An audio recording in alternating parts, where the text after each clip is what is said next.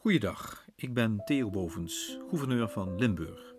U luistert naar de podcast Dichtbij, mijn audiobrief aan alle Limburgers in deze coronatijden. Maandag 23 maart 2020. Passen en deugen.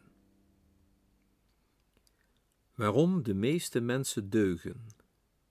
Zo heette de voorstelling die voor vanavond geprogrammeerd stond in het Theater aan het Vrijthof. Maar zoals alle voorstellingen in alle Limburgse theaters kan deze niet doorgaan vanwege corona. Bijzonder spijtig voor al die theatermakers die nu in plaats van met hart en ziel op de planken te staan, zich nu zorgen maken over hun bestaan.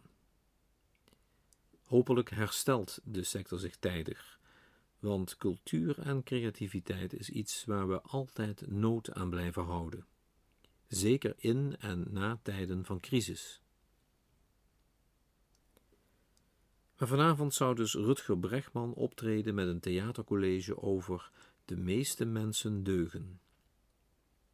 Het stond aangekondigd als een avond over een radicaal idee, omdat we in het nieuws juist zo vaak worden geconfronteerd met het slechte in de mens.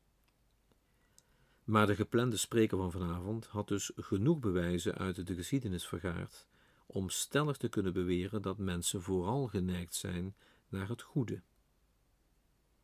Ik geef hem graag gelijk, omdat ik juist nu, in deze vreemde tijd, zo ongelooflijk veel initiatieven zie opborrelen die getuigen van naaste liefde, solidariteit en samenwerking van mensen, Limburgers, die dus dubbel en dwars deugen.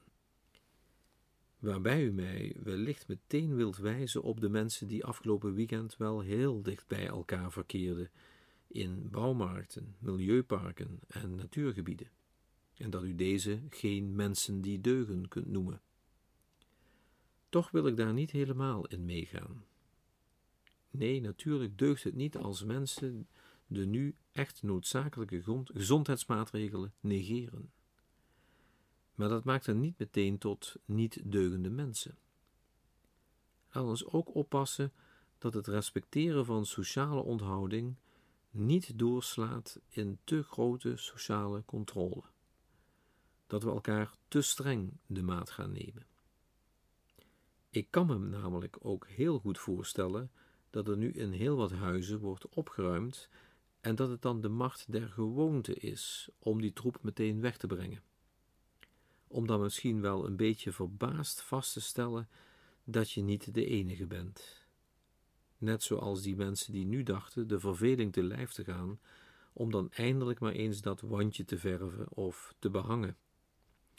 En net zoals een frisse neus willen halen nog nooit eerder in ons leven slecht is geweest. Ofwel, laten we in de geest van dat radicale idee dat vanavond in het theater geprogrammeerd stond, mensen voor één keer dat voordeel van de twijfel gunnen. Dat het mensen waren die uit gewoonte handelden en niet uit slechtheid. Maar die zich nu wel echt moeten gaan beseffen dat ongewone tijden vragen om nieuwe gewoontes. Nieuwe gewoontes die je overigens verbazend snel kunt aanleren. Zo ben ik inmiddels zeer gewoon dat ik elke dag als ik het gouvernement betreed, mijn handen ontsmet met alcohol, en dat ook weer doe bij vertrek. Het is best bizar voor een deelnemer aan Ik Pas, waarin je belooft veertig dagen lang geen alcohol te gebruiken.